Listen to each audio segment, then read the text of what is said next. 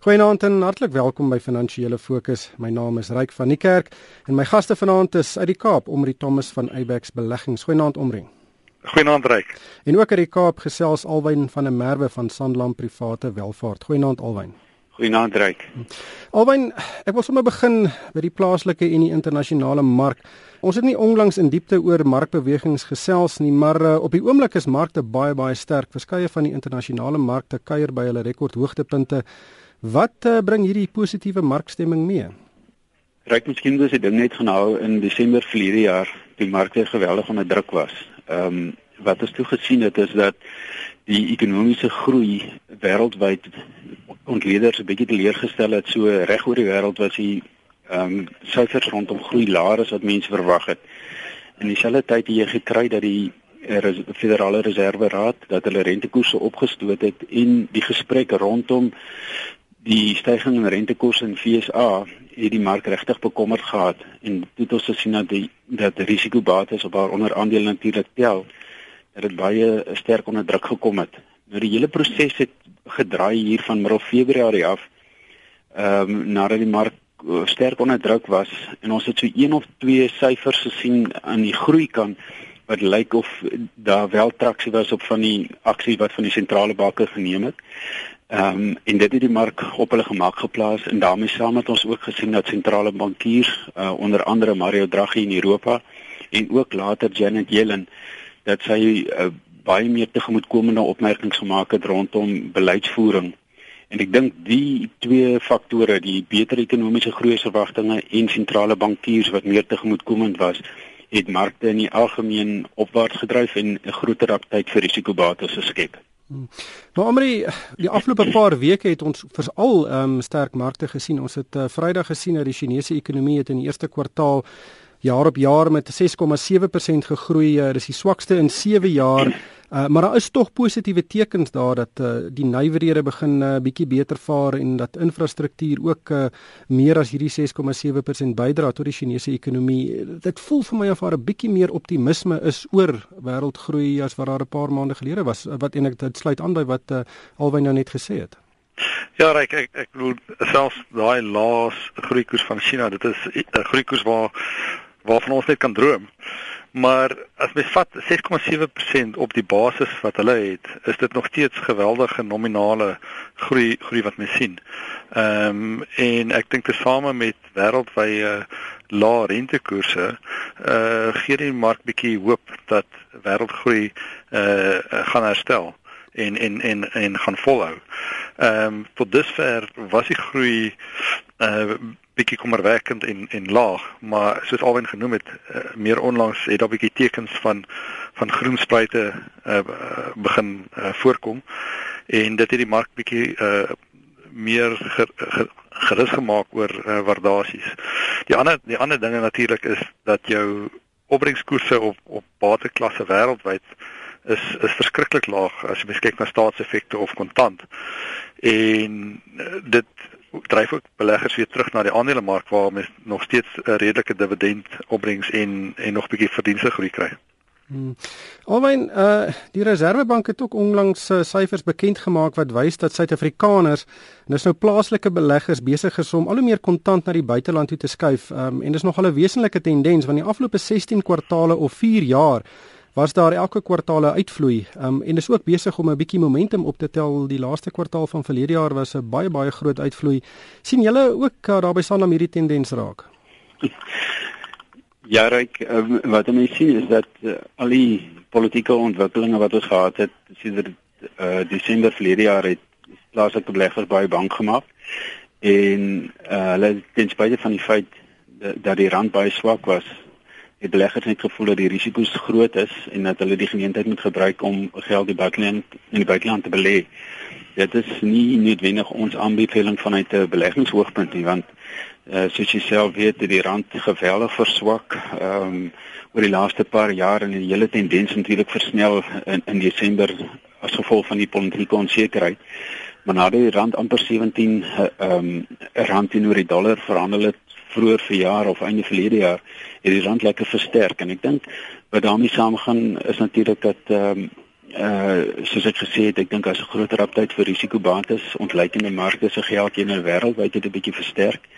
Ehm um, en met dit die kommoditeitspryse natuurlik ook lyk of hulle lae vlakke bereik het en hier en daar het ons gesien dat kommoditeitspryse lekker verstewig het van lae vlakke af en dit het gehelp. So om teruggekeer tot die oorspronklike vraag, ehm um, ek ek dink wat ons kliënte aanbetref, uh het die swakker rand gemaak het dat dit hulle bietjie stadiger was om geld in die buiteland uit te vat want dit maak nie regtig sin vanuit 'n beleggingsoogpunt om nou na die tyd paniekerig te raak om geld uit te skuif nie.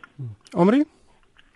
Ja, ek sien 100% saam met eh uh, Alwyn is as ons kyk na waar die rand is, is dit is dit uh, selfs met die onlangse versterking is die rand nog steeds oorverkoop en op 'n koopkragbasis ehm um, behoort ons rand uh, sterker te verhandel. En ek dink wat ons begin sien het is dat uh die politieke sentiment het van baie baie negatief in Desember na meer positief begin verander uh uh, omrede die die meer onlangse politieke ontwikkelinge wat ons gesien het.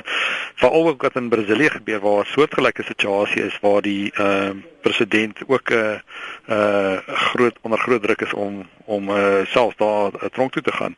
So ek dink daai voorbeeld en die onlangse geleide in Suid-Afrika het die mark bietjie meer positief gestem teenoor teenoor die land en ook teenoor ons geldeenheid. Kom ons gesels 'n bietjie uh, oor 'n uh, ander plaaslike ontwikkeling wat aansluit by daai tema. En dit is die die Gupta familie se se myn Tegeta um, het uh, iewers 2.1 miljard gekry uh, en uh, om die Optimum myn by Glencore te koop. En die geld gaan sommer reguit na Optimum se krediteure Investec, Nedbank en Randstad Bank.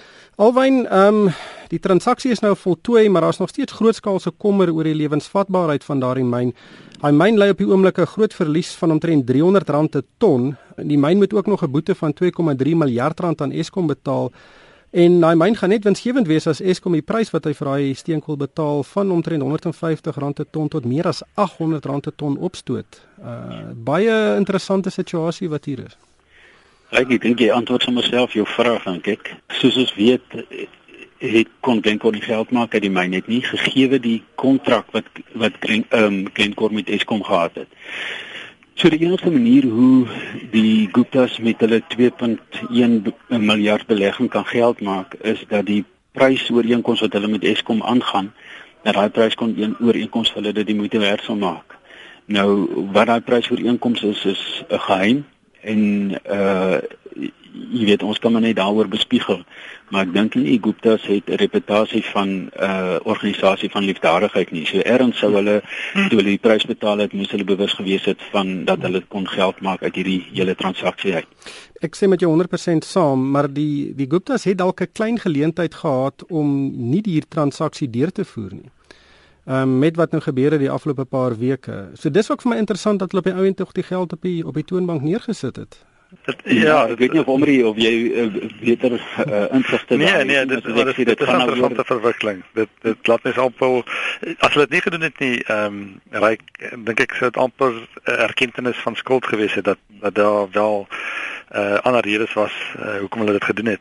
Een van die groot bespiegelinge is natuurlik dat uh die myn 'n geweldige rehabiliteringsvoorsiening het. En ehm um, die uh, bespiegeling is dat onder die nuwe bedeling sou hierdie rehabiliterings 'n plan uh baie afgeskaal sou word wat baie kontant ook sou vrystel. Ehm um, wat dan natuurlik die koopprys geweldig goedkoop laat lyk, tesame met 'n uh, uh, dan 'n goeie kontrak met Eskom. Ja, maar daai daai rehabiliteringsfonds is natuurlik wat daai myn opgebou het oor baie jare om eendag weer daai uh, die gate wat hulle gegrawe het weer toe te gooi. Dis reg, ja, dis reg. Hmm. Wel, ek dink dis 'n baie interessante ontwikkeling en uh daar gaan groot baie vergrootglase om daai transaksie wees. Alwyn, ehm um, ek weet jy is in die groot mark van internasionale beleggings, maar uh hier plaaslik was hier 'n klein eintlik 'n baie groot uh, piramide skema wat ek dink ineengestort het en dis die Triple M skema. Uh die skema het sy oorsprong in Rusland gehad in die 1990s uh en in hy het in Suid-Afrika aangekom verlede jaar, laat verlede jaar. Um en uh weet by Moneyweb sien ons gereeld die reaksie op sulke skemas en is eintlik um ondenkbaar hoeveel mense by ons aangeklop het om inligting te kry. Baie baie groter as verskeie ander uh piramideskemas wat ook ek nou al oor die jare gesien het. So ek dink in die omvang van mense wat deelgeneem het, praat ons hier van baie maklik honderde duisende mense.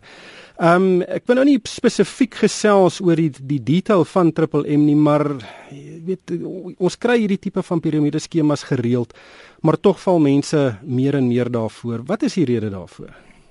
Kyk, alle wanneer mense oor geld praat, dan ehm um, sou mens dink mense onemosioneel besluite sou neem, maar ongelukkig is dit nie so nie.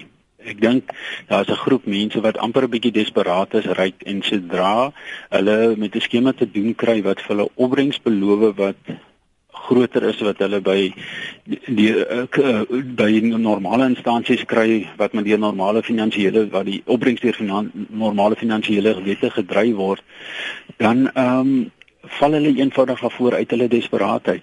En sonder eindsondering is dit so. Nou ek in hierdie geval as jy net kyk na die karakters wat betrokke is. Ehm um, die, die Triple M word gelei deur 'n ou wat nou wegkruip. Sy naam is Sergey Mavrodi. So hy's 'n rus met 'n baie swak reputasie. Ten spyte daarvan gee mense nog steeds geld. Ehm um, wat ek nie kan verstaan nie is hoe sulke ehm um, or organisasies of skemas die ligsien in Suid-Afrika waar die FSB 'n rol moet speel om sulke goed te voorkom. Wat diegene spesifiek interessant maak is dit natuurlik 'n internetskema is en ek dit sou baie moeilik wees om hierdie internetskemas uh, te ondersoek en te probeer beheer. Hmm. Amre ja, weet elke skema het sy vlak van gesofistikeerdheid, weet ons het begin met die die vrot melke in die 80s hmm. en dan tot Tannenbaum gehad wat 'n baie baie ingewikkelde skema was uh, en hierdie is maar in die middel seker uh, Ehm um, dit, dit werk baie snaaks. Jy betaal aan ander mense direk in hulle bankrekening geld in. Ehm um, en dan word jy kry jy 'n uh, internet geldeenheid, 'n virtuele geldeenheid wat hulle Mavros noem. En daai eenheid wat op die internet is groei teen 30% 'n maand en dan kan jy dit later onttrek en nou het hulle ewele skielik net daai ehm um, ontbetalings uh, onttrek. Maar weet elke skema het seker sy die mense wat hy uitvang. Ehm um, Ja. Dis dis dis dis hartseer. Dis gewoonlik uh, hierdie ouens uh teer op die finansiële onkunde van van die publiek. En soos alwen sê, die mense is desperaat om uit hulle finansiële uh moeilikheid te kom. Ehm um, en is dan bereid om enigiets te waag om om vir die kans om om om daar uit te kom. En die skema bly werk uh as daar meer en meer mense belangstel, maar as die belangstelling bietjie begin afplat, dan sal nie genoeg nuwe geld om die uh beleggers uit te betaal nie en dis dis presies wat nou gebeur het. Wat vir my regtig vreemd is van hierdie skema is dat man Vrodi in die 90s tronk toe was oor presies dieselfde skema en 10 jaar later of 15 jaar later uh, uh is die, is dit weer dieselfde selfde skema wat wat wêreldwyd uh plaasvind. En dit is nie net in Suid-Afrika, daar is 9 lande waaraan hulle betrokke was. En Suid-Afrika was bietjie laat na die partytjie toe, maar dit is biljoene wat ons hiervan praat. Ja. Net laastens alwen, ek weet julle is daar in die Kaap, uh die e-tol snelweë is nou nie heeltemal op julle radar elke dag nie, maar Sanral het nou begin om uh, dagvaardigings by ondernemings met groot uitstaande e-tol rekeninge af te lewer. Uh, dit lyk dan of dit Sanral nou bietjie uh, sy stem begin dik maak. Uh, hoe dink jy gaan hierdie uitspeel? Wel ek dink Sandra sit met uh finansiële realiteite. Uh, hulle het hulle het seker kom geld uitgegee en een of ander stadium met hulle inkomste genereer op die bates wat hulle gevestig het.